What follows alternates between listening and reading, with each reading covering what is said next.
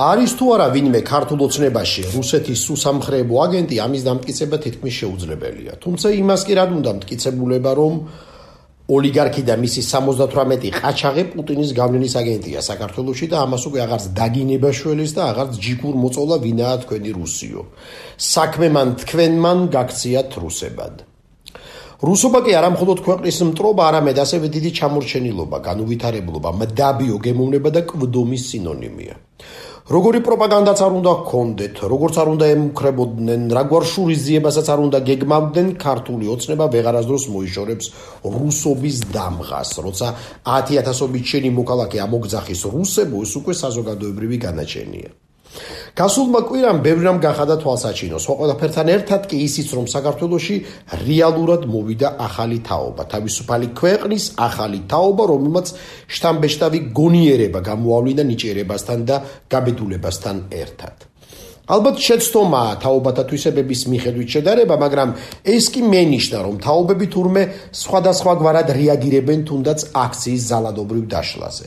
რამდენ აქციაზე მყოფილო როგორც Generation X-ის წარმომადგენელი, მაგრამ არაზოს მიფიქრე, რომ მეორე დღეს ისეთი აღჭურვილობით შევერთებოდი პროტესტს, რომელიც პრაქტიკული თვალსაჩინით იქნებოდა ჩემთვის ფუნქციური. ამაზე არაზოს მიფიქრე, ვიდრე Z და მილენიანელებმა არ შეგვასწავლეს. მეტაფორულად რომ თქვა, თუ კი ჩემი თაობა X-ი რბევის შემდეგ მორალური დანამუსების ჩვეულ რეჟიმში შევიდა ახალგაზრდა მობილოდ დაგუგლეს რა იყო იმისთვის საჭირო რომ გაზისთვის გაეძლოთ შემდეგ ჯერზე. საქმიანად პათეტიკის და ეგზალტაციის გარეშე. განა სიტყვები და მორალური მხილება არ არის კმედითი, მაგრამ ის კი უთუო რომ ჩვენზე ბევრად ნაკლები ისტერიკაა მატჩი და ესეც გასაგებია, რადგან ტრამვული ასოციაციები მათთვის ისტორიული უფროა ვიდრე ემპირიული. ჩემთვის ისიც კი საკმარისია მსუბუქი პანიკისთვის, რა ტრაექტორიით ვცდილობ დამრბევისგან გაცლას რუსთაველის გამზეზე, რადგან მინდა თუ არ მინდა თვალწინ 9 აპრილის ხატება მიდგას, როგორ მორბოდა ხალხი ამავე ადგილას, ამავე გზით და ამავე მიზეზით. რუს რუსეთთან წინააღმდეგობის ჟინი. თუმცა ეს მხოლოდ პანიკაა, ვეჭობ მემკვიდრეობით გადმოცემული ბუმერებისგან, რომელსაც ყოველ ჯერზე ამარცხებს გამოცდილებით შეძენილი გამბედაობა. სწორედ ამ რეალობის გათვალისწინებით ზოგჯერ უაღრესად არაადეკვატურად და კომიკურად მეჩვენებიან ის დიდ კაცები, რომლებიც დროის კანონებს არ აღიარებენ და ისე იქცევენ თითქოს პოლიტიკაში ზრდასრულობა ყოფილიყოს პრობლემა.